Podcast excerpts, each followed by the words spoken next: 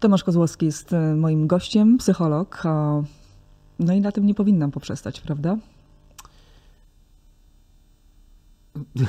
Ostatnio mi zadano pytanie, kim ja jestem, i, e, i właściwie nie wiem, dlatego że ostatnie lata mojego życia zmieniły moje podejście do, do tego, kim jest człowiek w ogóle.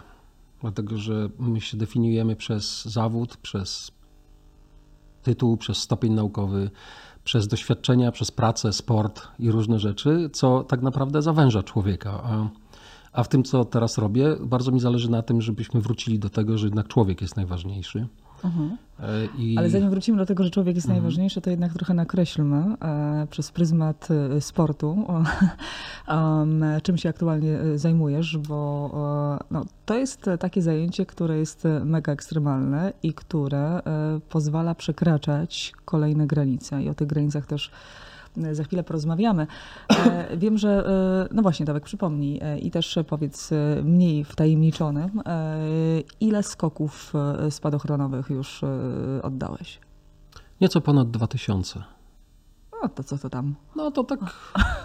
To nie jest jakoś bardzo dużo, ale nie jest to też mało. Ja myślę, że od tysiąca skoków możemy mówić o tym, że, że skoczek uczy się doświadczenia, bo to jest już taka liczba skoków, która pozwala nabrać troszeczkę dystansu do siebie e, i, i, i nabrać trochę pokory i zobaczyć, że po, mając 1000 czy 1500 skoków też można się przewrócić przy lądowaniu albo popełnić jakiś błąd. Mówię o, raczej o drobnych błędach, choć yy, i tak ten czynnik psychologiczny, a propos, jest o tyle istotny, że że sprzęt bardzo rzadko zawodzi. Najczęściej to jednak czynnik ludzki. Ty masz dobre podłoże. A propos tego, że jesteś e, psychologiem, to ułatwia? Yy, tak, ułatwia, dlatego że ja, ja też no, byłem 17 lat ratownikiem górskim i jak robiłem też różne analizy wypadków, yy, na przykład wypadków lawinowych, były takie badania robione w Colorado kiedyś na, na ofiarach lawin, czyli oczywiście tych osobach, których, które udało się uratować, to Rzeczywiście okazało się, że 82% tych wypadków to jest czynnik ludzki. Czyli tak, tam to, to jest bardzo mocno rozbudowane, ale w takim skrócie można powiedzieć, że człowiek albo przecenia swoje możliwości, albo nie dostrzega y, niebezpieczeństw, które, które niesie natura. I w skokach spadochronowych jest bardzo podobnie. Mhm. I to jest sport dla ludzi, y, którzy raz muszą być asertywni, y, którzy muszą mieć zdolność do tego, żeby zadać pytanie muszę mieć zdolność do tego, żeby powiedzieć nie wiem, nie umiem, boję się, nie chcę, bo e, problemem w tym sporcie jest to, że ludzie są, że to jest taki sport elitarny, bo ma, bardzo mało ludzi skacze i ci ludzie są spostrzegani jako silni i to jest też troszeczkę taki, taki mechanizm się wytwarza, że że ludzie czasami zaczynają wierzyć za bardzo w siebie i, no i popełniają błędy. Niestety potem no, ta natura już nie wybacza i, i jeden błąd e, powoduje drugi, trzeci, ta kaskada się uruchamia. Mhm. Myślę, że e, ci, którzy oglądają podcast, znają Cię e, głównie z e, telewizji, z występów, wiele różnych sytuacji, też związanych właśnie chociażby z jakąś lawiną, która mhm. zeszła, tak, ze śmiercią, z utratą kogoś bliskiego komentowałeś. Tak też poznaliśmy się te, telewizyjnie, mając kontakt przy właśnie komentowaniu różnych wydarzeń. Być może niewiele osób e, wie właśnie, że skaczesz e, ze spadochronem, chociaż za chwilę będzie to wiedza bardzo e, powszechna i wręcz bym powiedziała, że szeroko niosąca się. Ale zanim do tego i do Twoich projektów, które są projektu, który jest niesamowity, to mm, Ty Tomek zacząłeś dosyć późno tak. skakać. I to jest nieprawdopodobne. Ile miałeś wtedy lat i skąd się narodziła ta potrzeba przekraczania granicy? Bo mówi się coś takiego, że e, no nie wiem, no faceci w pewnym wieku, no kobiety też, ale faceci, tak. dopada ich kryzys wieku e, średniego. Tak, tak. No, muszą sobie coś udowodnić. I czerwone Ferrari mają, tak? Albo kabrioleta. Albo zmieniają żonę. E, tak. nie pamiętam, kto to powiedział, albo tak, że kobiety nie zmienisz, możesz zmienić kobietę, ale to i tak nic nie zmieni. O, to jest piękny cytat, pamiętam. To jak któryś z aktorów to, to, to tak. powiedział. Wiesz, ja, y, ja skoczyłem pierwszy raz w wieku 36 lat, natomiast y, pomysł na to, żeby skakać, powstał jak miałem 6 lat. Y, to był taki, taki rok, w którym ja zobaczyłem ratownika górskiego pierwszy raz będąc w górach i zobaczyłem też spadochroniarza lądującego, żołnierza w Bolesławcu i zrodziły mi się wtedy dwa takie marzenia, ale to nie były marzenia, które ja tak bardzo konsekwentnie realizowałem. Do pogotowia górskiego wstąpiłem chyba w wieku 25 lat, czyli też późno, a ten skok pierwszy wykonałem chyba dwa lata, mając 36 lat chyba, skoczyłem w tandemie z kolegą z Gromu, z którego poznałem, jak się tam szkoliliśmy razem na śmigłowcach w pogotowiu górskim. I oni mnie do tego skakania wciągnęli. I ja skoczyłem wtedy, jak rozpocząłem kurs, skoczyłem sześć razy. Potem pomyślałem sobie, że po męsku podniosę sobie poprzeczkę do 12, ponieważ zależało mi na tym, żeby zostać skoczkiem spadochronowym. Bardziej to była taka potrzeba społeczna, czy taka, żeby być spostrzeganym jako skoczek spadochronowy, ale to jest narkotyk nieprawdopodobnie silny. Jak mnie to wciągnęło, to, to zacząłem skakać więcej potem skakałem jako kamerzysta, filmowałem tandemy. I potem się zaczęły y, no, takie historie, że moi koledzy chcieli y, wykonać skok y, ze stratosfery, czy z samego początku stratosfery, czyli tam mniej więcej 11-12 tysięcy metrów. Przepraszam. I oni, ja kiedyś szedłem sobie po skokach do takiej umywalni i oni mnie zaczepili i wiedząc, że ja mam kontakty w mediach, bo się czasami pojawiam, poprosili mnie, żebym załatwił im patronat medialny, bo chcieli to jakoś zdobyć pieniądze i to nagłośnić. A ja sobie zażartowałem i powiedziałem, jak mnie weźmiecie do tego skoku, to wam to załatwię. A oni powiedzieli, dobra. I, i tak, e, e, tak w ten projekt wszedłem. I my skoczyliśmy z tych 11 tysięcy metrów. I to dla mnie ten projekt był potworny po prostu, bo ja się tak potwornie bałem tego stworzyłem sobie takie historie w głowie, że to się... Wiesz co, ja myślę, że w ogóle sobie nie zdajemy sprawy, ile to jest 11 tysięcy metrów. E, e, taki e, Kowalski nie ma w ogóle pojęcia, o czym ty mówisz. To nie jest żadną tajemnicą. Skakaliśmy zresztą było to pokazywane też, był pokazywany nasz skok w jakimś z urywki w jednym z, z materiałów. Ale chcę ci powiedzieć jedną rzecz, że w momencie, kiedy, na jaką wtedy wysokość się wzbiliśmy? My na 4000. No Skoczyliśmy z 4000. No. 11 tysięcy to jest ten przedział, gdzie się lata rejsowymi samolotami. To już jest e, wysokość dla takiego przeciętnego e, człowieka, no który tak. nie ma do czynienia e, mega, mega duża. A jak mówisz 11 tysięcy, to myślę, że właśnie nie za bardzo potrafimy określić. No chyba, że właśnie powiedziałeś, te samoloty, tak? Czyli do, do tak, takiej tak. wysokości wznosi się samolot rejsowy. To było 10 lat temu. Ja zawsze jak widzę te smugi kondensacyjne, to, to zawsze sobie to przypominam. Czyli właściwie codziennie ten skok gdzieś przechodzi mi przez, przez głowę. No tam jest minus 60 stopni. To są trudne warunki. E, trzeba mieć maskę e, czy, czy sprzęt tlenowy. E, tam jest też, no to ciśnienie jest dramatyczne, ale dramatycznie niskie, ale wiesz, dla mnie w związku z tym, że ja nie wiedziałem, jak trudny będzie ten skok, to sobie wyobraziłem, że będzie bardzo trudny. I zresztą teraz, jak skaczę w tandemach z ludźmi, to zauważyłem, że bardzo dużo tandem pilotów mówi, mówi, mówią ludziom: nie bój się, wszystko będzie dobrze. Ja na to ja mówię, bój się, bo to jest fajne, że masz możliwość pokonać te swoje lęki. Jeżeli zaakceptujesz ten strach, to rzeczywiście masz potem e, możliwość zobaczenia, co pokonujesz. A jeżeli będziesz to wypierać, to nie da się wyprzeć tego stołu stąd. To nie jest po prostu. jest zdanie wata, no nie bój się, no jak można, można się nie bać, skoro e, nigdy wcześniej tego nie robiłeś. Też się potwornie bałam i pamiętam, e, leciała z nami tym samolotem jedna z, no jedna chyba czy dwie kobiety, już dokładnie nie pamiętam, która bała się potwornie. Natomiast e, ta umiejętność wasza rozładowywania tych emocji poprzez śmiech no, i żart no. powoduje, że generalnie wpada się w taki klimat, że trochę, chociaż na trochę, zapominasz o tej, e, o tej wysokości i o tym, co za chwilę cię, wiesz, czeka. Tak, bo to jest, wiesz, ten sport jest bezpieczny. Y, statystycznie jest to sport, który ma najniższą śmiertelność. Najwyższą ma Himalajz zimowy. E, ta wypadkowość jest większa w cheerleaderingu. To jest w ogóle sport czy aktywność, która ma najwięcej, najwięcej wypadków typu złamania, jakieś takie rzeczy, bo tam nie ma żadnych procedur. Natomiast w skokach spadochronowych są bardzo rygorystyczne procedury. I, e, i wiesz, my wykonując tam setki tych skoków, wiesz, jest zabawnie, mamy co chwilę nowych ludzi, jest fajnie. Ci ludzie, którzy tam skaczą też się lubią i Mówię o, o, o, o tym środowisku tandem pilotów. Oczywiście, jak to w każdym tego typu środowisku, są jakieś niesnaski, ale to są, to są sporadyczne rzeczy. Natomiast to jest w ogóle wesołe miejsce, fajne. Tam są ludzie, którzy kochają ten sport. I, e, i tak, jak to, to jest takie fajne, jak się ten sezon zaczyna I ci ludzie są tak spragnieni tego. No ja akurat teraz mam taką fajną sytuację, że w tej Kalifornii całą zimę przeskakałem, więc y, y, ten sezon właściwie u mnie trwa cały czas, ale y, myślę, że ta głowa jest w stanie wyprodukować absolutnie wszystko i bojąc się skoku, bo o tym też mówiliśmy o, o, moim, o moim lęku przed tym skokiem ze stratosfery, jak i tego, że ludzie się boją skakać w tandemie, na przykład robiąc sobie taki pierwszy skok. My się nie boimy tego skoku, tylko boimy się wyobrażenia o tym skoku, boimy się tego, co sobie wykreowaliśmy w głowie. Mhm. Ja sobie dokładnie tak samo zrobiłem. I, i, I potem napisałem książkę o tych moich lękach. I w wyniku tej książki dostałem z półtora tysiąca listów od ludzi, którzy mi dziękowali, przepraszam, za to, że że ja mm, y, tak y, ekshibicjonistycznie pokazałem, że po prostu facet, który skacze ze, ze stratosfery też się boi tak jak każdy jak każdy inny bohater Dnia Świra. No wiesz, to trochę jakby nie pasuje do tego całego wizerunku. E, można tak odnieść, albo mm. myśląc tak, wiesz, trochę stereotypowo. Ale pokonałeś pierwszą barierę, czyli w ogóle przełamałeś się, żeby skoczyć. Potem to cię wciągnęło, bo to jest, jak powiedziałeś, niesamowity zastrzyk adrenaliny. Tak, tak. Adrenaliny sama tego doświadczyłam, że człowiek chodzi po prostu jak na haju mm. przez parę, e, parę minut.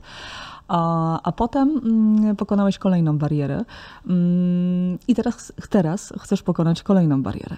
Tak, wiesz... I i to jest ten projekt, który e, jest, e, mówię, niesamowity i o którym mówiłam, że za chwilę e, właściwie już jest głośny, ale będzie jeszcze, jeszcze głośniej, jak ta machina jeszcze bardziej rozkręcona mhm. ruszy. Wiesz, do tego, do, do, do, do tego projektu doprowadziły mnie jeszcze właśnie i ta książka, i te listy, i to, że ja postanowiłem, że jeżeli jeszcze raz zrobię coś takiego ekstremalnego, to pomogę ludziom intencjonalnie, a nie przez przypadek, jak tą książką.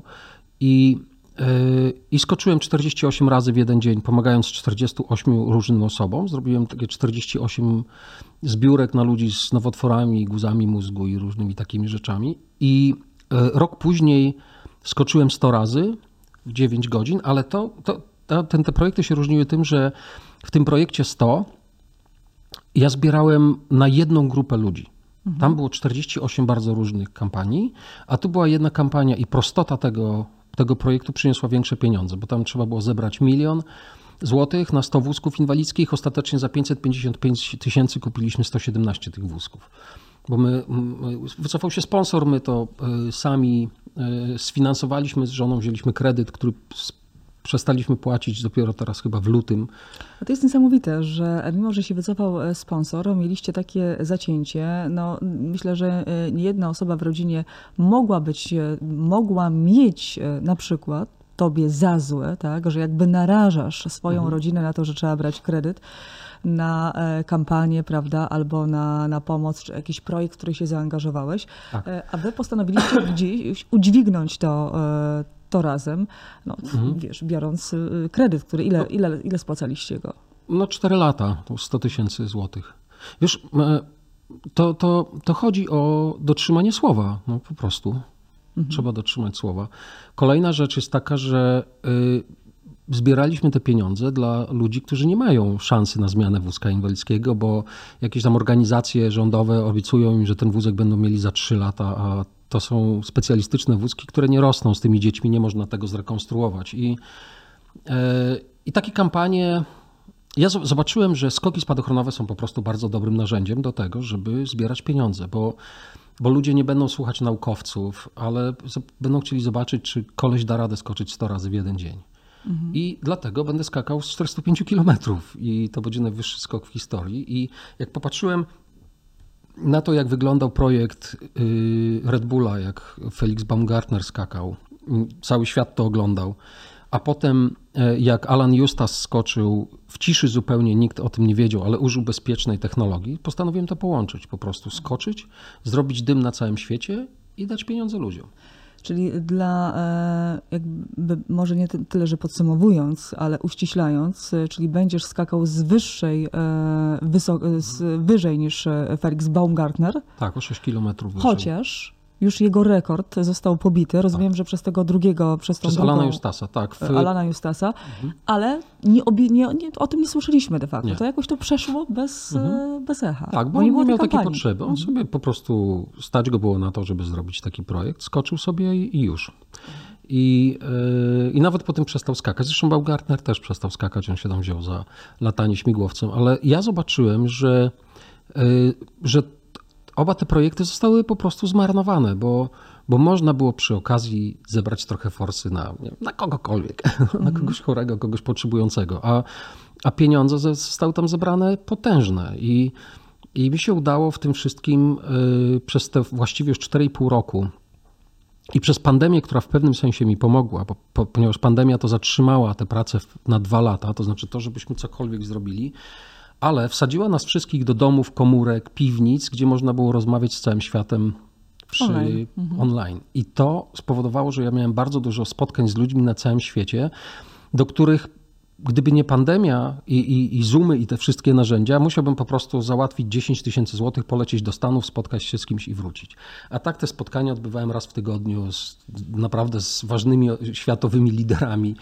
I e, Tomek, na chwilę taki ma też mały przecinek, bo wróćmy do tego początku, bo ten projekt e, trwa już e, 4,5, e, e, no ponad e, czwarte, inaczej, trwa już prawie 5 lat. Mm, Ale wracając do samego początku, no, rodzi się tobie taki pomysł w głowie. Ale wiesz, od pomysłu do realizacji to jeszcze jest e, długa droga. No, musisz mieć osoby, które cię w tym wesprą. Pomijając już rodzinę, która może powiedzieć, czy ty jesteś normalny. wiesz, znowu coś wymyśliłeś, tak? Bo najpierw e, skoki, potem e, kolejny e, gdzieś rekord. Przecież ty masz też e, tytuł mistrza, tak? E, e, Pobiłeś rekord. tak, no, rekordzisty, tak. Mam y, y, oficjalny rekord Europy, nieoficjalny rekord świata, mam, mam rekordy Polski, ale ja nigdy tego nie robiłem jakoś dla rekordów. Wiesz, choć ten projekt tej polskiej stratosfery, jak skakaliśmy z 11 kilometrów, to była y, próba ustanowienia rekordu Europy. Ja, ja, w związku z tym, że ja czułem się zawsze słabszy, wiesz, ja tam próbowałem w ogóle zrobić cokolwiek. E, e, nie, nie miałem takiej pewności siebie. Teraz, teraz ta sytuacja wygląda zupełnie inaczej u mnie, bo ja się nauczyłem akceptować lęk i nawet wykorzystywać go do tego, żeby mi pomagał, bo w momencie, kiedy się teraz czegoś boję, to, e, to wiem, że to jest dobry kierunek, żeby, żeby tam iść. I na przykład jak, jak wsiadam e, do samolotu z pasażerem dzisiaj, to ja, mam, to ja wtedy łapię taki błogi spokój i takie bardzo delikatne napięcie, które pozwala mi być skupionym na zadaniu i na tym, żeby to robić. Ale to jest, to jest tak subtelne i ja na, na, to jest tak, że dla mnie ruch uliczny jest większym dymem niż skok spadochronowy.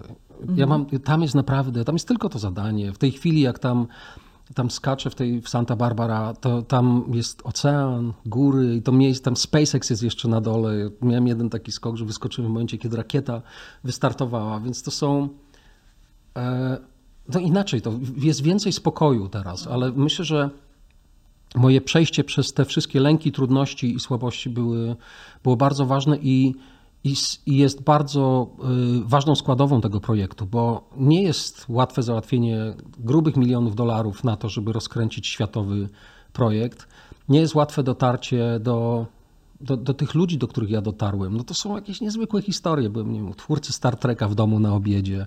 Poczekaj, E, czekaj, to to są- musimy zrobić absolutne, wiesz, przecinki, ale wracając jeszcze, bo, bo ta historia się rozwija i jest niesamowicie e, ciekawa, ale wracając do samego początku. Jest ten projekt, e, no przecież macie do spłaty dalej ciąg dalszy kredytu na te wózki, prawda, bo jak powiedziałeś niedawno, to przecież to się skończyło. E, Informujesz swoją żonę, że mm, Paulinę, że masz taki, e, takie chcesz e, podjąć wyzwanie. Co ona na to? Wiesz, e, Paulina i Adam zawsze mnie wspierali, zawsze. I ja zawsze na te dwie osoby mogę liczyć, choćby nie wiem, co się stało, na nich zawsze mogę liczyć. I owszem, rodzina, i, i, i znajomi, i, i, i kuzynki, żony i tak dalej, oni wszyscy mają mnie za wariata, za człowieka, który tam destabilizuje rodzinę, naraża wszystkich i tak dalej. Dla większości ludzi ważna jest praca, ZUS, stała pensja i tak dalej. Nasza Ania, jak się urodziła, nasza sześcioletnia Ania, jej pękły płuca. Zapadła się, miała odmę, wylądowała na ojomie i ledwo co ją odratowali. Choć Potem powiedzieli, że to był tylko algorytm wprowadzenia do inkubatora czegoś tam. Ona była tydzień na Ojomie i e, my mieliśmy wtedy dość dobrą sytuację finansową. Mogliśmy naprawdę wykupić w pięknym różowym szpitalu pokoik z trzema monitorami i tak dalej. Już, ale Paulina się uparła na to, że to będzie publiczny szpital e, w Warszawie e, na ten MSW, bo tam jest bardzo duży, wysoki jakiś współczynnik odratowań czegoś. A ciąża była idealna. Paulina jest bardzo zdrowa, wszystko było super. I bach. I takie coś się wydarzyło. I oni odratowali tą małą. I, e, i ona jest dzisiaj to jest korba, jest, jest, jest dynamiczna, wesoła, fajna, inteligentna, nie ma śladu po tym, Mówimy po tym czymś. Mówi, mówimy o Ani, y, ale wiesz, miliony ludzi nie mają takich możliwości. Miliardy ludzi nie mają takich możliwości, nie mają, miliard ludzi nie ma dostępu do prądu. Wiesz. Co dopiero mówić o inkubatorze, o specjalistach, którzy mogą, y, którzy mogą y, uratować takie dziecko. I, i to nie jest tak, że, że ja ten projekt robię, bo spłacam dług, Natomiast jestem jakoś bardzo dotknięty niesprawiedliwością na tym świecie, dlatego że jedni rodzą się e, na Ukrainie, inni rodzą się w Polsce, jedni rodzą się w Meksyku, inni rodzą się w Stanach. I 300 metrów zmienia absolutnie Robi Twoje różnicę. życie. I e, ja uważam, że jeżeli jestem w stanie wykorzystać miłość do gór po to, żeby ratować ludzi, albo miłość do skakania po to, żeby ratować ludzi, Gdybym był kowalem albo szewcem, to pewno też bym jakoś tak zrobił, ponieważ jakoś tak się układa moje życie, że ja nie jestem zdolny do stabilnej pracy. Ja po prostu tego nie umiem. To nie jest tak, że ja e, wiesz, cierpiąc, e, przechodzę przez te skoki. Ja to kocham, kocham to, co robię, wierzę w ten projekt. E, Im bardziej ludzie do mnie strzelają, a strzelają do mnie zewnątrz właśnie takimi tekstami typu rujnujesz rodzinę i tak dalej, tym bardziej mnie to jakoś napędza dlatego że oni mnie zawsze wspierają. Paulina, Adam i Ania. Wiesz, jak Ania się ze mną żegna, jak z nią rozmawiam? Mówi, Mówi mi, Ania ma na to. sześć. No Mówi cześć, mój jump for the planet. tak do mnie mówi. Ona ma sześć lat, ona dokładnie wie, że planeta się obraca, że krąży wokół Słońca. Ona nie mówi, że słonko się chowa za, za chmurką. Dokładnie wie, ponieważ w naszym domu się o tym mówi. I, I ona ma, ona też wie o, o tym, jak. Nie jesteśmy takimi zielonymi frikami, ale ale ona wzrasta w takim nieco innym podejściu do, do życia. I to jest tak, że wiesz, ludzie mówią, że jestem wariatem, ale ja nie wiem, czy wariactwem jest robienie tego, co się kocha. Wiesz. Zapytałam o ten aspekt, e, zapytałam o wspieranie, bo Mhm. no wiadomo, tak, w momencie, Tak. e, kiedy idziesz do pracy, zarabiasz, masz jakąś stabilizację, to zupełnie inaczej jesteś, co powiedziałeś, sam e, e, postrzegany. Wiemy, że masz już e, to duże wsparcie ze strony rodziny, ale wsparcie wsparciem, na to też potrzeba zgromadzić odpowiednie środki. No, takie skoki są też mega kosztowne i tak dalej. Kto tutaj w Polsce wyciągnął do ciebie dom, kto powiedział e, Tomek, wierzę w ten projekt i dał ci takie zielone światło, nawet w kontekście kontaktów, tak, żeby, żeby dalej móc to, e, to, to, to rozpro, rozpropagować i, i zebrać na to fundusze. Przede wszystkim Lech Wałęsa, który zgodził się na patronat e, nad tym projektem, bo ja też pomyślałem sobie, pamiętam taką scenę, jak y, szukałem globalnego nazwiska, które jest związane z tym, że człowiek przeszedł przez jakieś trudy i postawił się czemuś, co jest po prostu niemożliwe do zrobienia. I oczywiście Lech Wałęsa e, wpadł mi do głowy. Nie ma nikogo lepszego, moim zdaniem. I pamiętam, jak powiedziałem, staliśmy pod blokiem, powiedziałem sąsiadom, że, że zamierzam poprosić Lecha Wałęsę o to, żeby objął ten projekt patronatem i, i oni mi się, śmiali mi się w twarz. Nie? W ogóle takie dziwne zjawisko, że ktoś się śmieje e, prosto w twarz. I trzy miesiące później byłem u niego w, w gabinecie, on się na to zgodził i na świecie ludzie robią takie oczy, jak widzą Lecha Wałęsę w takim filmiku, który mam, który promuje projekt. To jest nieprawdopodobne, jak on jest y, y, szanowany na świecie i jakim jest bohaterem. Y, Tam nikt nie wnika w jakieś drobne historyczne szczegóły bez względu na to, czy coś się wydarzyło, czy się nie wydarzyło, to nie ma, globalnie nie ma to znaczenia, bo ci, którzy na niego dzisiaj plują, mogą pluć właśnie dzięki temu, co on zrobił. I y, Dlatego projekt jest o wiele bardziej rozpoznawalny na świecie niż, niż w Polsce. Bo ci się? Proszę, tak. Udzielał ci przepustkę. Do jakich nazwisk udało ci się dzięki temu, dzięki temu, że Lech Wałęsa stanął za tym projektem, e, które drzwi po- pozwolił ci otworzyć? Dostałem zaproszenie, na przykład byłem tydzień u Richarda Bransona na jego prywatnej wyspie na Karaibach, gdzie mogłem mu opowiedzieć o tym projekcie, co z kolei wprowadziło mnie do środowiska ludzi, którzy na przykład są zaangażowani w budowanie bazy na Księżycu. E, Pomogło mi zdobyć Paragon, który ma, ma własność do, do technologii tego skoku. Jako jedyni mają bezpieczną technologię, żeby to zrobić. Ja się starałem półtora roku o to, żeby, żeby facet odebrał ode mnie telefon. I on mi potem mówi, ja mam tysiące takich zapytań. Nie? Takich ludzi jak ty są tysiące.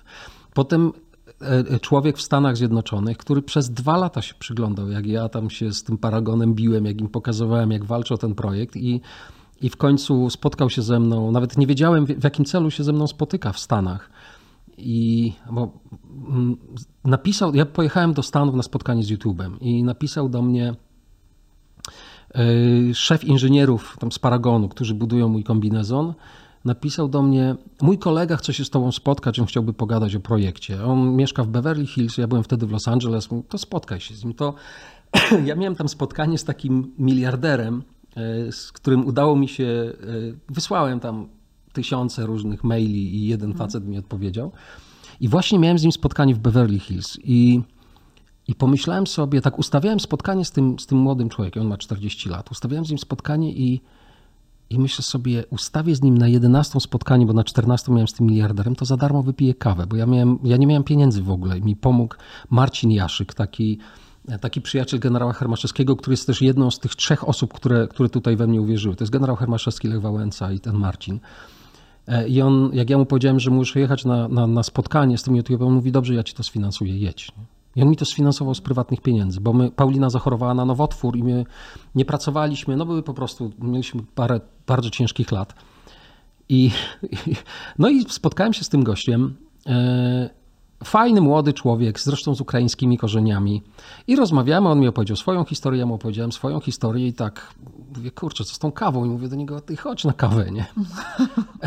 On mówi, dobra, no to dziś poszliśmy. Nawet ostatnio zrobiłem zdjęcie, bo siedzieliśmy przy takim malutkim stoliku. Stolik, nie wiem, to jest chyba A, A, A3, taki mniej, mniej więcej, taki rozmiar, na ulicy.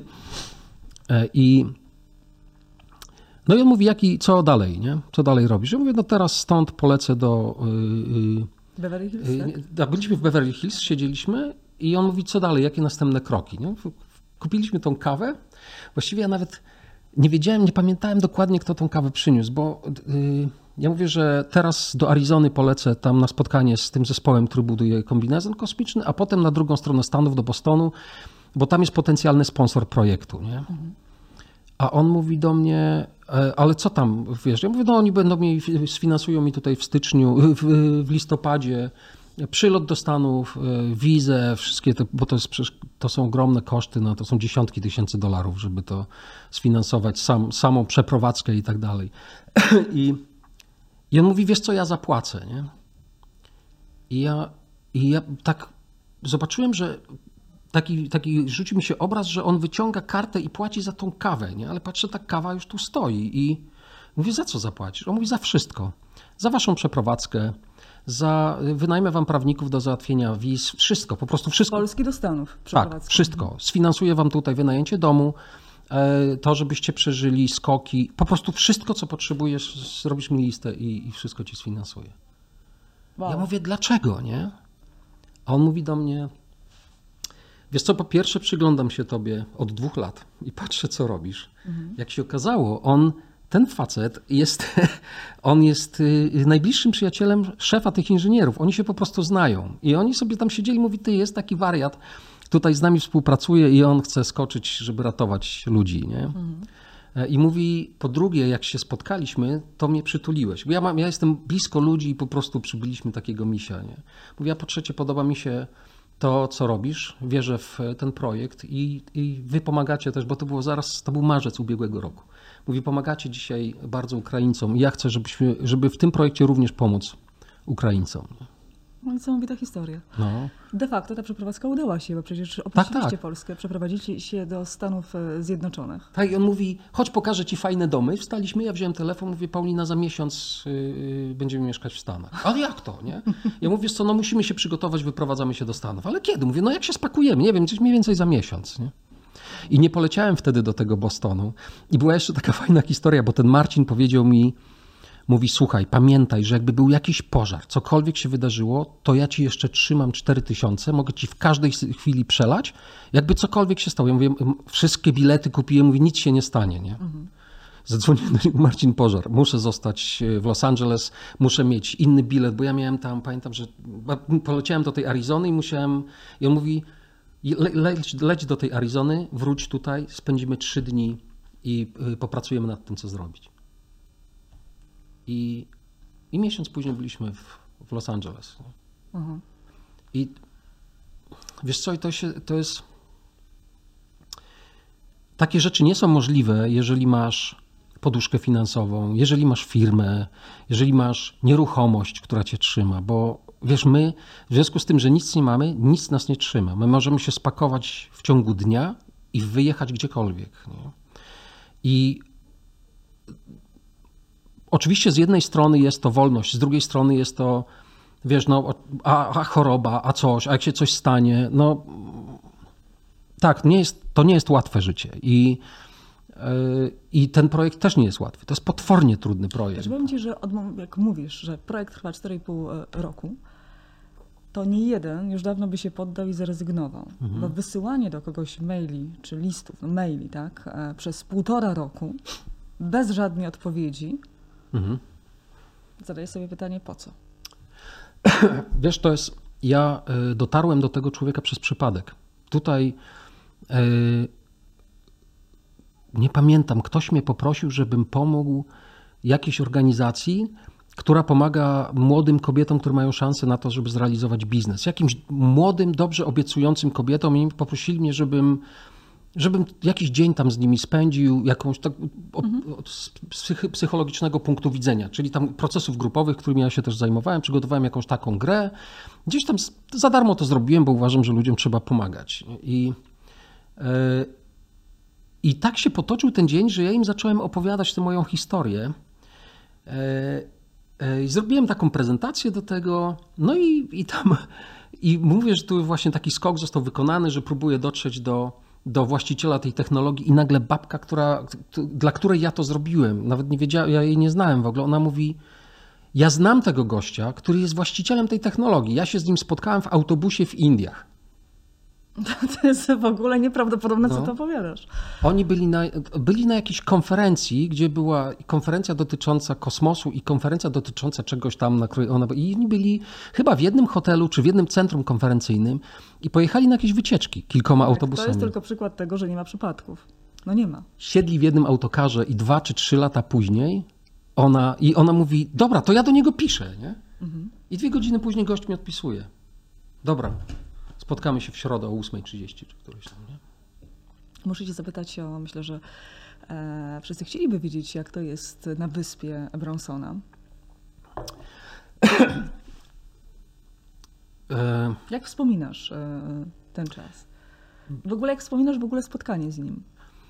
Chyba, że dalej macie kontakt. Mamy, tak. Ja, ja, ja, ja przyjechałem e, właściwie no to był też koniec COVID-u, były trudności z testami, przelotami.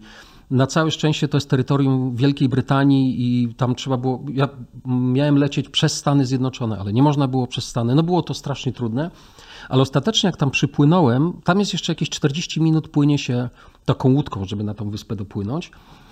I yy, ja wziąłem. Tam to było takie prywatne spotkanie 20 ludzi, bardzo bogatych i bardzo wpływowych, którzy którzy się zajmują, mm, e, którzy dbają o oceany. Oni naprawdę po cichu robią ogromne rzeczy, inwestują ogromne pieniądze, żeby, żeby ratować planetę. No i byłem ja, posiadacz skutera. I w momencie, kiedy płynąłem tam, zerwał się jakiś taki sztorm. Wszystko mi zmokło. Ja miałem w torbie 20 książek dla tych ludzi. I wziąłem parę koszulek i 20 książek. Zależało mi na tym, żeby tym ludziom dać książkę, bo ja mam tę moją książkę w języku angielskim. I tak patrzyłem na tą torbę, jak tam się zalewa to wszystko tą wodą i myślę, ja cię kręcę, wszystko będzie mokre, tyle to wiozłem, nie? I ostatecznie okazało się, że zmokły mi wszystkie ubrania, ale książki były suche, bo ja te książki obłożyłem ubraniami. I, i poszedłem na obiad w takiej do połowy mokrej koszulce. Y, no i usiadłem tak na brzegu stołu, tam siedziało już z 15 osób, bo jeszcze nie wszyscy przyjechali. I nagle on podchodzi do mnie i tak się przywitał taką piątką i mówi e, Wiem, że robisz fajne rzeczy, tam pogadaliśmy trochę o technicznych rzeczach, bo on tam też balonami latał.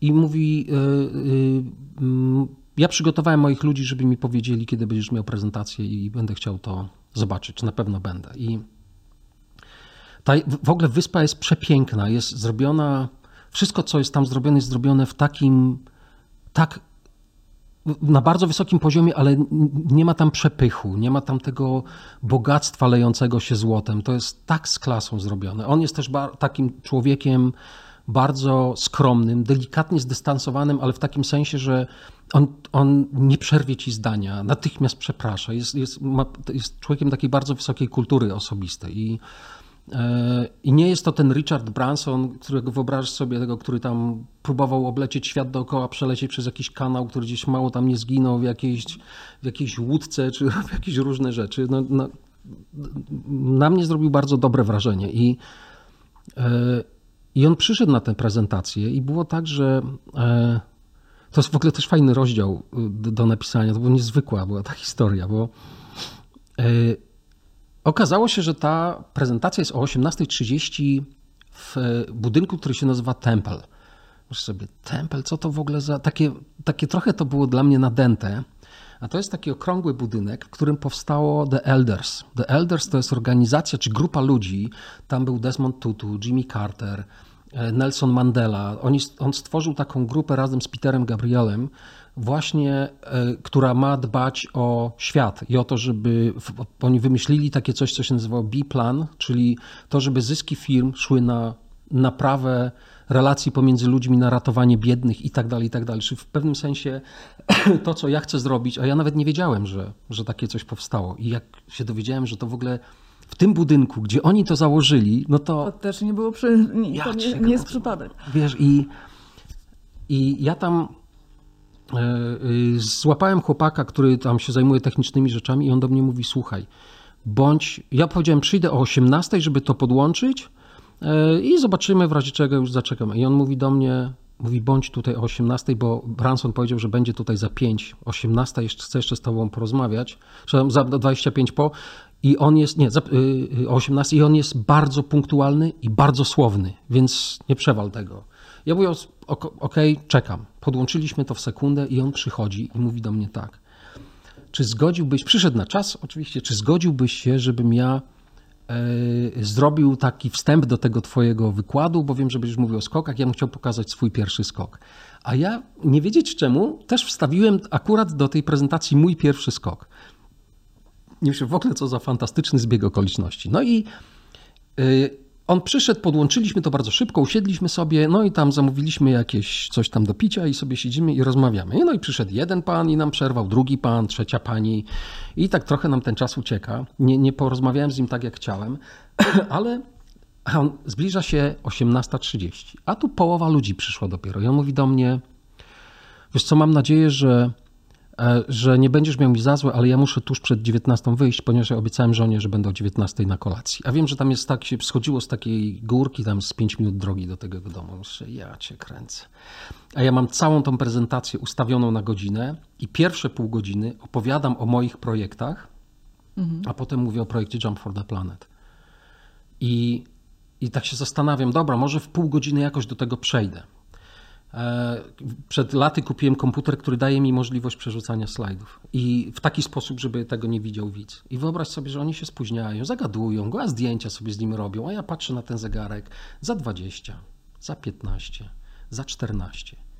I myślę sobie, ja pierdzielę, po prostu jak on wyjdzie, to trzasnę tym komputerem, pójdę tam do tego pokoju, który ma w ogóle kamienny prysznic na balkonie i zamknę się tam, przesiedzę cały ten tydzień. Nie? I zacząłem Zaczęliśmy za 11. To 11 minut ci zostało. Nawet nie, bo on jeszcze miał kilka, nie? Aha. I on zaczął i, e, i usiadł, powiedział te parę słów, usiadł i no i ja wiesz, patrzę na ten zegarek na podglądzie i zaczynam i mówię i mówię, wiesz, jest pięć po on, on dalej. I wiesz, i, i zacząłem mówić właśnie też o mojej książce i, i dałem mu tę książkę moją i, e, i mówię, że to jest dla mnie niezwykłe, że ja mogę dać ci tę książkę, którą napisałem o swoich lękach, a ja daję ci ją w miejscu, w którym powstało The Elders, które bardzo bym chciał, żeby zaangażować do tego projektu. Nie? 10 po, 15 po, 20 po i on został do końca tej prezentacji. Ten chłopak tylko tak patrzył, siedział z boku i patrzył to na mnie, to na niego i tak dziwił się, że on zostaje. I on, jak skończyłem, podszedł do mnie i mnie uściskał. On z ludźmi się tylko tak wita, uściskał mnie i tak mi powiedział na ucho, it was lovely. A ja sobie myślę, lovely? Tak, co, tak próbowałem to zrozumieć, o co chodzi, lovely, to takie, co to, ładne jest, czy co? I potem mi to wytłumaczył taki Brytyjczyk, że lovely dla Brytyjczyka to nie jest to samo, co dla Amerykanina. Lovely to jest z głębi serca, bardzo piękne i tak dalej, w takim sensie. I po prostu na drugi dzień e, siedzimy przy śniadaniu i oni siedzieli i rozmawiali tam sobie o jakimś, wymyślili w pół godziny sposób czyszczenia kolaro- koralowych, niezwykłe w ogóle. I, i skończyliśmy śniadanie, ja do niego podszedłem i mówię bardzo dziękuję, że, że mimo to, że miałeś iść do domu, zostałeś e, i wysłuchałeś tej mojej historii do końca. A on mówi, wiesz co, podam ci maila i wyślij mi 10 linijek o projekcie twoim i 10 linijek o technicznych aspektach, porównując poprzednie projekty. Nie? I po prostu wszyscy poszli tam na jakieś spotkania i gadania, poszedłem do pokoju i zalałem się łzami i po prostu potem siedziałem, oni pływali na surfingach po południu, jakieś mieli takie fajne zajęcia, a ja siedziałem, patrzyłem w lazur tej wody i nie wierzyłem, że to wszystko się dzieje. Nie? Ile tam byłeś? Tydzień? Sześć dni. Sześć dni. Wiesz, co było jeszcze fajne w tym? On, on powiedział, podam ci maila i na drugi dzień rano, mówi, dam ci rano tego maila, bo tam mieliśmy spotkanie przy takim basenie yy, i ja do niego podchodzę i on mówi, wiesz co, teraz ci nie dam, ale mógłbyś mi podpisać książkę. Mi moją książkę, ja mu tą książkę podpisałem, mówi wrzuć tam do torebki mojej żony i potem nie mogłem go złapać, znowu go nie mogłem złapać i jak go w końcu chwyciłem, bo ci ludzie cały czas przy nim stali i mówię, podaj mi tego maila, a on mi zaczyna literować, nie? A ja nie miałem telefonu, nie miałem okularów, nie zapamiętałbym tego, bo literował to po angielsku i myślę, kurczę. I był ostatni dzień, w którym była kolacja pożegnalna i on nie przyszedł na tę kolację.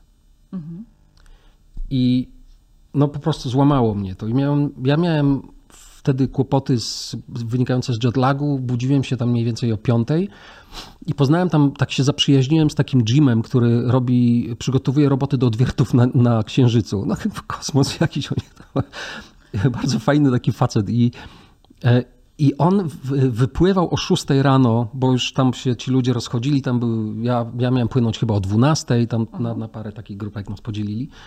I postanowiłem zejść o 6 rano, żeby go pożegnać. I obudziłem się o 7. Byłem tak wściekły, że, e, że, się, że przespałem to, że się nie pożegnałem z tym Jimem, że nie porozmawiałem z tym Bransonem e, tak jak chciałem. I jeszcze miałem otworzony komputer, bo miałem do wypełnienia taki trzystronicowy e, formularz jakiś dotyczący przelotu przez, przez Londyn, przez, czy przez Wielką Brytanię. I muszę pierdzielę to. Zamknąłem, tak trzasnąłem tym komputerem, mówię, biorę prysznic, pójdę sobie na śniadanie o 7.30, wtedy nikogo tam nie będzie, po prostu wypiję sobie kawę i, i, i, i będę czekał na, na, na tę łódkę. I przyszedłem tam o tej 7.30, akurat siedziało trzech gości, takich całkiem sympatycznych. Tam, tam można było zjeść to śniadanie w 10 miejscach w różnych na tej wyspie, ale siedzieli, no to się do nich przysiadłem i tam tak spokojnie, wiesz, na, nalali mi kawy. E, I nagle ktoś siadł obok mnie. I to on usiadł. I siedzieliśmy dwie i pół godziny i rozmawialiśmy o projekcie, a ci goście, którzy siedzieli jeden tutaj i dwóch naprzeciw, którzy pracują z nim od lat, tam chyba ten taki, taki, taki Jeremy, który z nim pracuje chyba najkrócej jakieś 10 lat, oni prowadzili tę rozmowę w taki sposób, że zadawali mi takie pytania, żeby on usłyszał to, co, co ma usłyszeć, bo oni o projekcie dobrze wiedzieli. Nie? I, ja mówię I rozumiem, że dostałeś wtedy tego maila. I ja mówię do niego na koniec, daj mi tego maila. I on mi wpisał tego maila w mój telefon. No i pożegnaliśmy się i wszystko fajnie. I, no i on poszedł. Ja patrzę na tego maila, to jest mail do kogoś innego. I myślę, ja pierdzielę, co ja mam z tym zrobić, nie? I, e, i, I tego Jeremiego poprosiłem, mówię, słuchaj, on mi kazał napisać 20 linijek na temat projektu, a teraz daje mi czyjegoś maila, nie? I co ja mam z tym zrobić? Mówi, załatw mi spotkanie z tą osobą. Przecież jeżeli ja wyślę, wiesz, kilka lat mojej pracy w 20 i to technicznych takich y, linkach, no to, to, to w jaki sposób te, ten ktoś ma być przekonany i powiedzieć mu, słuchaj, to jest warte zaangażowania, nie? On spojrzał na tego maila, mówi, wiesz co, to jest jedyny mail, którego on sam osobiście odbiera. To jest jego mail. Niesamowita historia, naprawdę. Zresztą jak można byłoby słuchać i słuchać tych, e, wiesz, opowieści, jeszcze obiad z, e, właśnie z szefem Star Treka. To był, Wam. tak, to był nie? człowiek, który stworzył Star No, Treka. no, no tak. To, to w ogóle, to jest historia. Ja do, do niego Chociaż trafiłem. muszę ci przerwać na chwilę, bo um, nie znam dokładnie tej opowieści, jak byłeś na, na wyspie Richarda Bransona, ale e, znałam coś, co mi utkwiło, mianowicie to, że jak się budziłeś a propos takich rzeczy, które są jakby e, no, mało osiągna- osiągalne dla, e, e, dla ludzi, albo nie mieli z tym styczności, jak e, budzisz się, a tu nagle patrzysz, a tu chodzą jaszczury, prawda? Gdzieś tam, takie. Tam są takie jaszczury, łażą. Jeszcze w, w, jak siedzisz tam i sobie jesz i nagle, wiesz, coś ci przepycha nogę, nie? A tam taki żółw idzie, wiesz. I po prostu no, łażą te żółwie, trzeba uważać, ale też tam, tam była taka dziewczyna, mówi, słuchaj, chcesz zobaczyć żółwie? Ja mówię, dobra, no bo tam są po drugiej stronie wyspy, ja cię mogę tam zabrać. Takim meleksem mnie tam zabrała, gdzieś tam przeszliśmy, prze- przechodzimy, a te żółwie są takie potężne, po prostu wielkie i tam jest, oni to chyba nazywają jakoś Zatoka Żółwi i tam jest y, kolejne miejsce, gdzie można zjeść posiłek. Nie? Takie są drewniane stoły i po prostu te potężne żółwie tam łażą, a ty sobie tam możesz zjeść kolację. Nie? E, Finał. Napisałeś na pewno tego maila, którego on osobiście e, odebrał. E, Jaki jest finał? Jak bardzo on się zaangażował w, w ten projekt? Wiesz co, to, to wygląda w tej chwili tak, że moim celem jest spotkanie tych, którzy się zresztą dobrze znają, bo y, jest i Elon Musk, i Jeff Bezos, i, i Richard Branson. Wiem, że, że Richard Branson się dobrze zna z Elonem Muskiem, ale udało mi się dotrzeć do człowieka, który przyjaźni się z matką Elona Muska i e, prośba o spotkanie ze mną leży już na jego biurku, która zresztą została też potwierdzona jeszcze przez tam kilku dyplomatów takich ważnych i, e, i zależy mi na tym, żeby doprowadzić do spotkania ich trzech. To jest oczywiście niemożliwe, ale moim zdaniem nie ma sensu się brać za rzeczy niemożliwe. I e, ja jestem ostatnim człowiekiem, który jest jakoś pewny siebie, natomiast nauczyłem się jednego przez te cztery lata, czy może nawet więcej, że nie ma kompletnie znaczenia, jak się czujesz, nie ma znaczenia, jakie masz szanse. Znaczenie ma to, czy podejmiesz decyzję o wykonaniu kroku, czy nie. Dlaczego ci zależy na tym, żeby oni we trójkę się spotkali?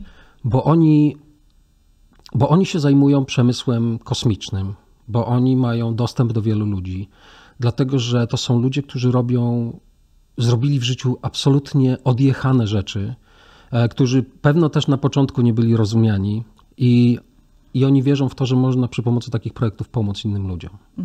Naprawdę to, co Branson robił dla ludzi, to są.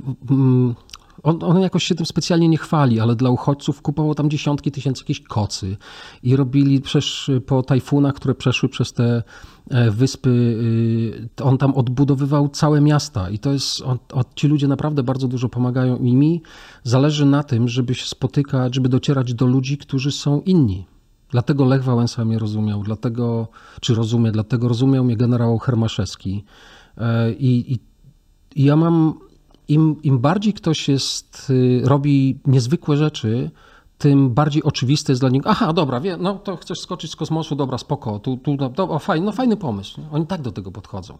Na, na ludziach, którzy którzy nie robią takich rzeczy, robi to wrażenie, ale oni wiedzą, aha, dobra, to koleś ma taki odjechany pomóc i w ten sposób chce zebrać parę miliardów dolarów, żeby pomóc ludziom. Aha, no to, no statystycznie tak, rzeczywiście, bo tu ktoś zebrał 100, tu 200 milionów i, i oni tak to, tak do tego podchodzą. Mi się udało dotrzeć, teraz będąc w Stanach, do, no, do, do, do, do jakichś tak niezwykłych ludzi i z Hollywood, i z, i z biznesu, i, e, i z, też z tego przemysłu zielonego. Taki, pomaga mi właśnie taki miliarder, który, e, który ma 25 firm, które się zajmują e, zieloną energią. I ci ludzie po prostu to rozumieją, bo ja, ja miałem dwie sytuacje, w których odmówiłem finansowania tego projektu dwóm miliarderom, którzy chcieli po prostu na tym zarobić pieniądze. Właściwie nie oni, tylko ich ludzie. I jeżeli. Ale z drugiej strony można zapytać, a co w tym złego? to, że wiesz, ja chcę, żeby pieniądze, które będą zebrane, poszły do tych, którzy tych pieniędzy potrzebują, a nie po to, żeby zasilić konto mhm. firmy. Mhm. Po prostu. Okay. Bo też taka jest idea na przykład, no jeżeli my zbierzemy, nie wiem, miliard czy dwa miliardy dolarów, a ktoś weźmie z tego 100 czy 200 milionów dolarów, no to jest, to jest po prostu nieetyczne. Mhm.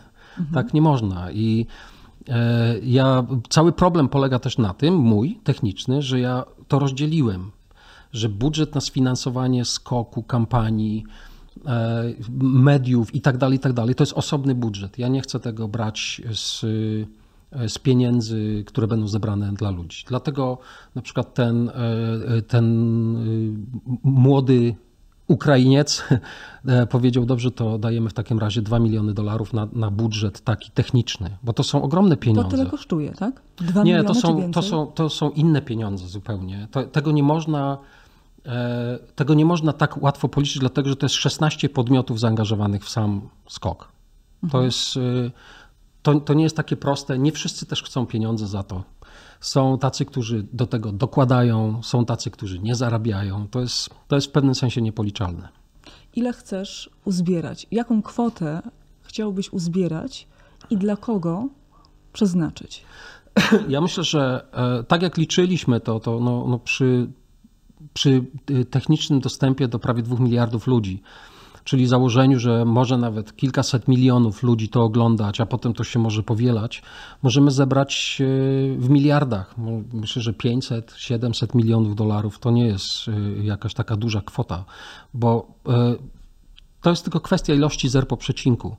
Natomiast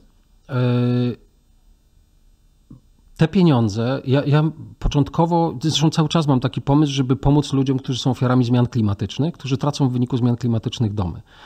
Dlatego, że 50 tysięcy ludzi dziennie traci domy w wyniku powodzi, e, osuwisk ziemi, w wyniku tajfunów, jakichś różnych tornad i tak dalej.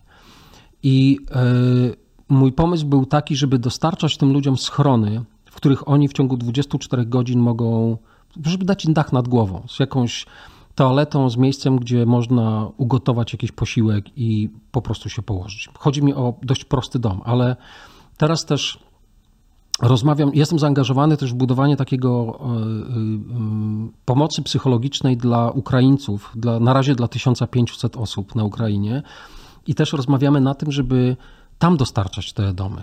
I już rozpoznałem jedną firmę w Polsce, jedną firmę w Niemczech. To jest tak, że ja nie wymyśliłem niczego nowego. Ja po prostu poukładałem klocki.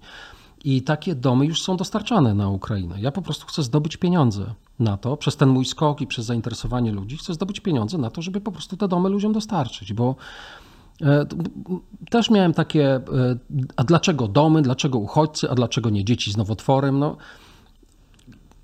nie starczy pieniędzy, żeby wszystkim pomóc. Ja bym chciał pomóc wszystkim, ale się nie da. No, Być Zrobię ten wiesz, jeden drobny fragment. Będą kolejne projekty, które pozwolą innej grupie pomóc, tak? No, na coś trzeba się zdecydować.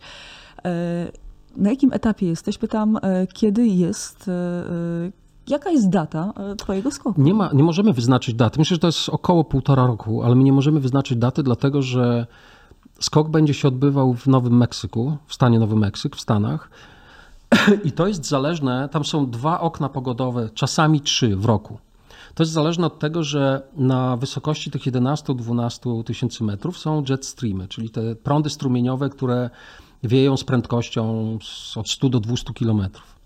I w tamtym regionie one często są ułożone w trzech kierunkach, to znaczy są trzy takie prądy, które się krzyżują. Jeżeli ja będę się wznosił tym balonem, który się rozszerza, bo to jest y, bo to jest balon na hel. On ostatecznie będzie miał wielkość stadionu Wembley mniej więcej na górze. To, no, to, wow. to troszeczkę mniejszy niż stadion w Warszawie. To jeżeli ja bym wleciał w prądy, które się krzyżują, to mogłoby ten balon po prostu zniszczyć. Natomiast trzeba czekać na to, aż one będą szły w tym samym kierunku. Więc wznoszenie będzie pionowe. Potem te y, te prądy mnie pchną w jakimś kierunku i potem siłą inercji to będzie szło pod takim kątem mniej więcej. Więc w zależności od tego, jak silny będzie, jak silne będą te prądy, to zniesienie od momentu startu do momentu lądowania może być nawet 300 kilometrów. Więc w Europie nie ma miejsca, w którym można by było coś takiego zrobić. Mhm. Dlatego jest potrzebny pustynny stan po prostu. Ale to jest mniej więcej data około jeszcze, tak, półtora Mhm. Półtora roku. Ale przez te półtora roku na wszystko to też musi nabrać kolejnego rozpędu. Ta machina jeszcze bardziej musi się rozruszać w kontekście i reklamy, rozpropagowania tak, tak. tego wszystkiego. I rozumiem, że teraz jest ten taki prawie, że decydujący, ostateczny Tak, teraz moment, jest taki moment, że zaczynamy to robić, bo pospinać. tak, ludzie się bardzo skupiają na samym e, skoku. Natomiast moje przygotowania do skoku się zaczęły, bo ja skaczę teraz tandemy cały czas, dlatego że będę skakał na tandemowym spadochronie. Mam już jeden taki spadochron treningowy, na którym po prostu skaczę sobie z ludźmi. E, ale to jest, to jest mniej więcej taka czasza, tak jak, bo, bo, bo mm, udało się zejść 30 kg w tej chwili z ciężaru e, kombinezonu ze 150 do 120, więc to jest, to jest duży Ten kombinezon przeskok. szyje ci e, NASA, nie pewnie nie... To jest, to jest Paragon Space Development Corporation, to oni współpracują z NASA i to jest, oni są w tej chwili jednym z naj takich bardziej liczących się e, producentów kombinezonów kosmicznych. To też jest niezwykle ważne przy tym kombinezonie, bo z tego co pamiętam, jak kiedyś rozmawialiśmy, że e, ty musisz e, idealnie ważyć, tak? To tak, będę musiał... odpowiednią wagę. Tak. To nie ma już przechyłu, że 3 kg w tą, 2 no kg... No pytanie, My założyliśmy, wiesz, tak, jak, jak, jak jeszcze będzie teraz? ostatni, to nie jest takie trudne. Ja sobie robiłem takie testy, na przykład przytyłem sobie 10 kilo i schudłem 10 kilo, sprawdzałem na ile jestem w stanie, y, bo ta, ta waga, którą przyjęliśmy, to jest 82 kg. Na ile jestem w stanie, jak szybko jestem w stanie zrzucić na przykład 3 czy 4 kg. To jest mhm. żaden problem. Żeby zrzucić na przykład 2 kg, to potrzebuję 3 tygodni, e, żeby po prostu, nie wiem, zmienić dietę. Ja nie jem jakoś niezdrowo, ale może być tak, że na przykład jak mniej skaczę, to, to, to od razu to wpływa, ponieważ skacząc w Kalifornii, tam jest ciepło. Ja na przykład przez taki weekend jem e, arbuzy, po, y, ogórki i pomidory głównie, mhm. bo to, to ma bardzo dużo wody, to y, bardzo fajnie syci i też nie jest ciężkie na żołądku, jak e, tam no, jest dużo otyłych ludzi, to, to jak się skacze z kimś, kto waży 100-110 kg, no to jak ktoś taki siądzie na kolana, to to jest trudne, ale y, no, po prostu przetestowałem to wszystko i jak będę robił wszystko tak, jak mi każą. Do ilu osób jesteście w stanie dotrzeć? Ile osób może obejrzeć ten twój skok? Czy są jakieś takie minimalne, takie naj, taka no, granica no, dolna, po, którą sobie założyliście? Początkowo rozmawiamy, rozmawialiśmy o minimum 500 milionów ludzi.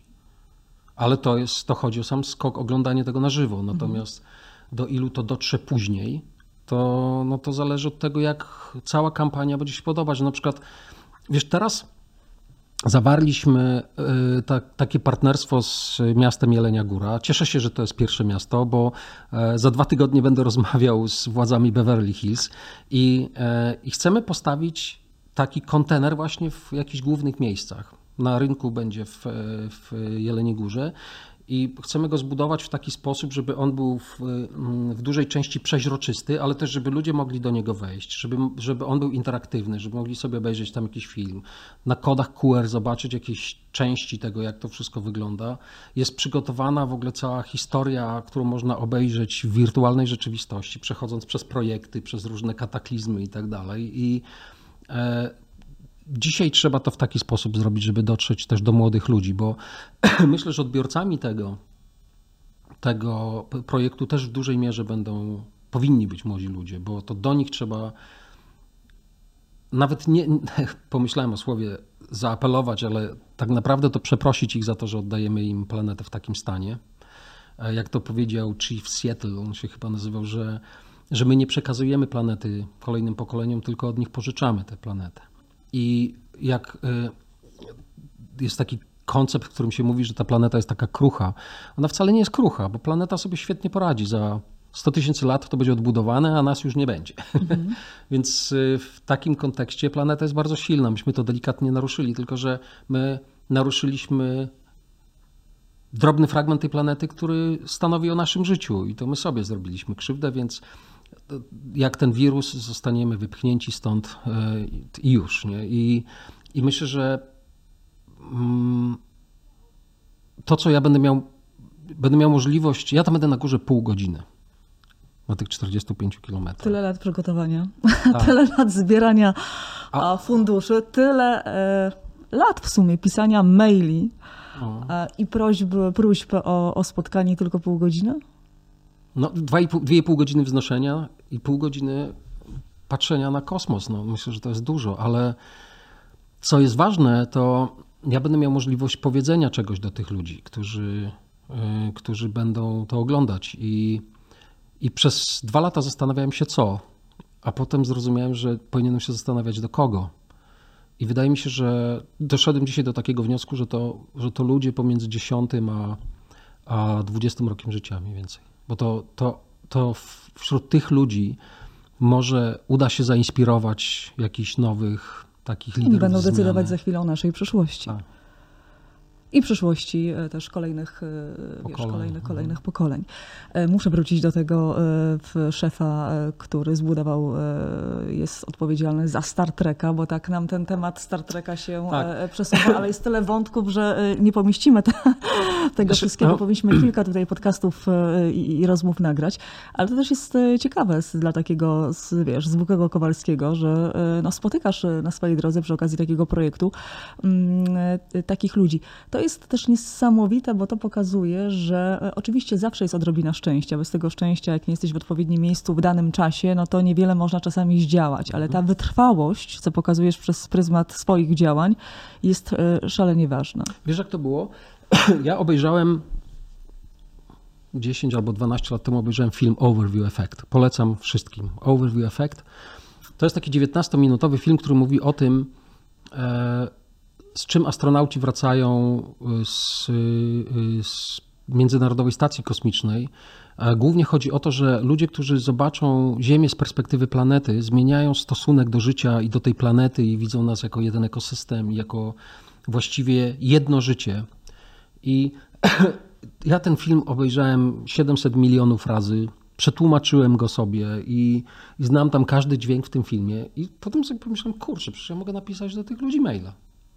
Napisałem do nich maila i David Beaver, który jest współzałożycielem tego Instytutu Over, Overview Institute, e, który założył go z e, Edgarem Mitchellem, który, który był szóstym człowiekiem na Księżycu, on mi odpisał po sześciu godzinach. I mówi w ogóle, co za projekt, co za pomysł. Nie? I dzisiaj jest moim najbliższym przyjacielem. My rozmawiamy, jak, jak jestem w Stanach, no to przynajmniej z dwie godziny dziennie. I e, on on wniósł niezwykły wpływ e, i do projektu, i w moje życie też. I on, znając bardzo różnych ludzi, on pracował z Michaelem Jacksonem, z Peterem Gabrielem, z bardzo różnymi ludźmi, z astronautami, których badał od 40 lat. I to on zainteresował właśnie e, tego człowieka i, i doprowadził do spotkania. Nie? A ten facet mówi: Fajne rzeczy robisz, to przyjedź do mnie na obiad.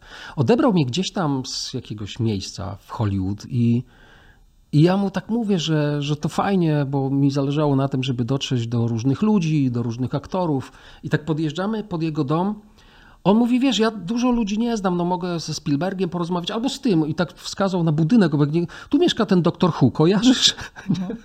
No, I weszliśmy do tego domu i on mi pokazał taki miecz dziwny. Ja nie, ja nie byłem jakoś fanem tego Star Treka, ale kojarzyłem ten miecz. On mówi, zobacz, to jest oryginał. I i zaczął mnie oprowadzać y, po, po, on, po takich różnych pracowniach. Tu taka mała pracownia, tu taki mały pokoik i na mnie ogromne wrażenie zrobił taki statek kosmiczny, z tych takich dysków, które, które, które tam były i on był nadpalony. Ja mówię, czemu to jest tak y, spalone? On mówi, bo w tamtych czasach, jak my to robiliśmy, żeby zobaczyć, jak zrobić animację, to ja to po prostu podpalałem i rzucałem, żeby zobaczyć, w którym kierunku to będzie szło. Nie? Dzisiaj mhm. to robi komputer, przelicza i, i widziałem różne te rzeczy, które potem, które cały świat oglądał wcześniej w tym filmie, a to teraz leży u niego w domu. Nie? I, e, I to jest niezwykłe, że to jest taki.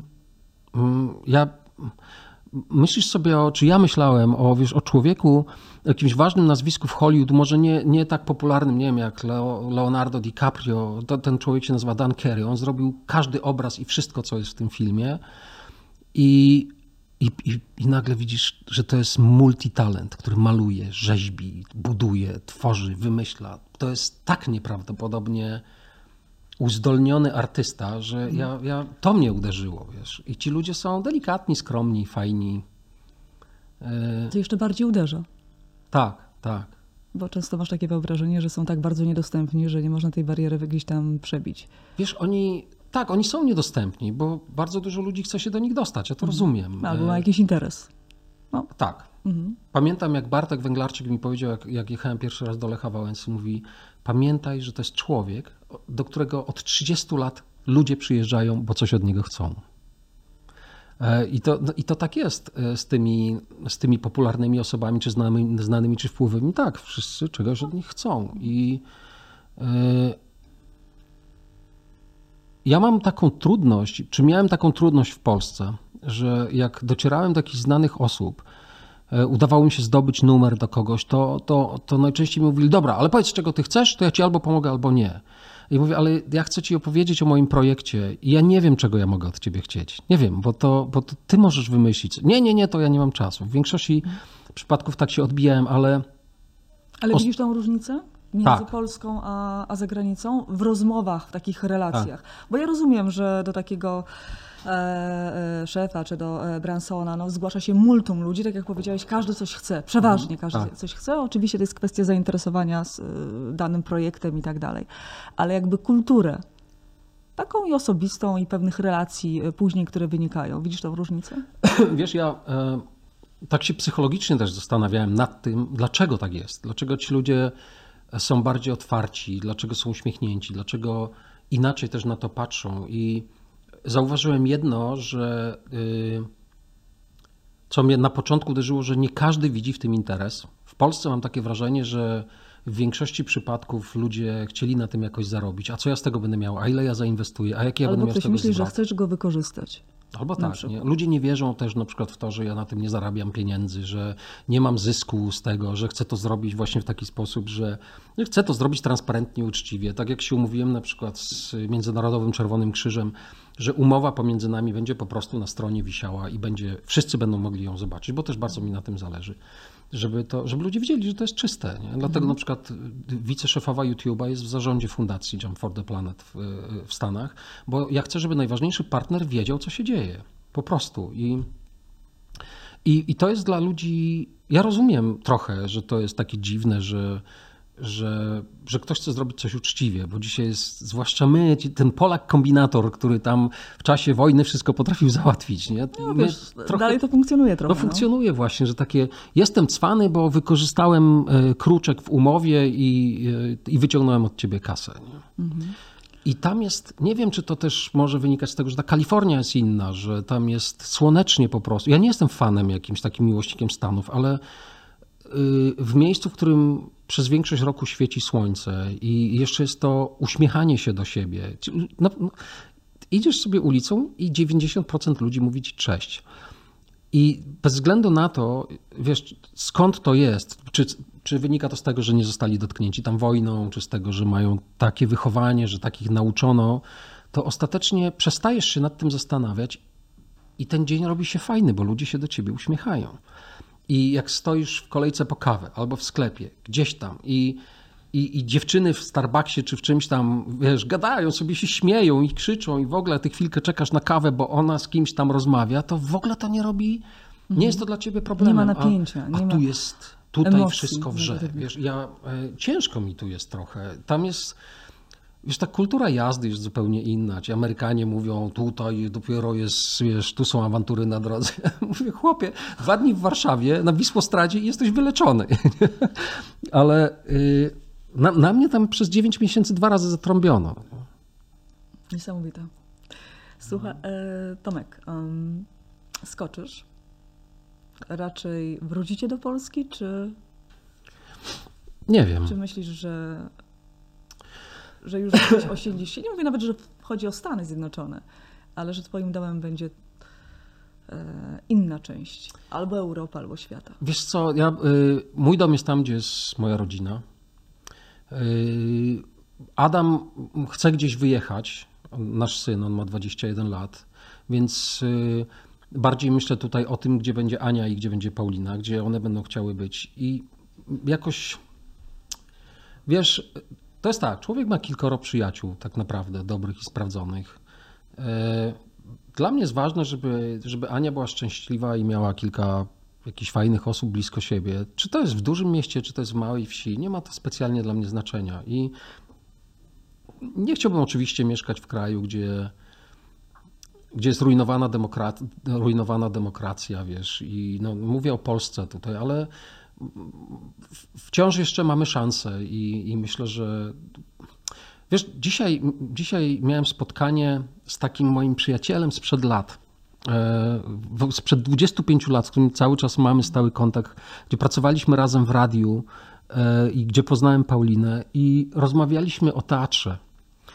Po prostu wymienialiśmy się wrażeniami z, ze sztuk teatralnych i myślę sobie, że tak pamiętam, jak mi opowiadał kolega tam w Kalifornii, bo był dzień wcześniej w teatrze i myślę sobie, nie będę tego języka rozumiał nigdy na takim poziomie, żeby się zachwycić sztuką teatralną, w tym jak, jak ktoś się posługuje słowem. No ja, ja próbowałem im wytłumaczyć, czym jest Pan Tadeusz i jak, jak się tam gra językiem, to, bo to jest, to jest, nie ma znaczenia o czym to jest, choć ma znaczenie, ale zabawa słowem mhm. jest genialna i yy,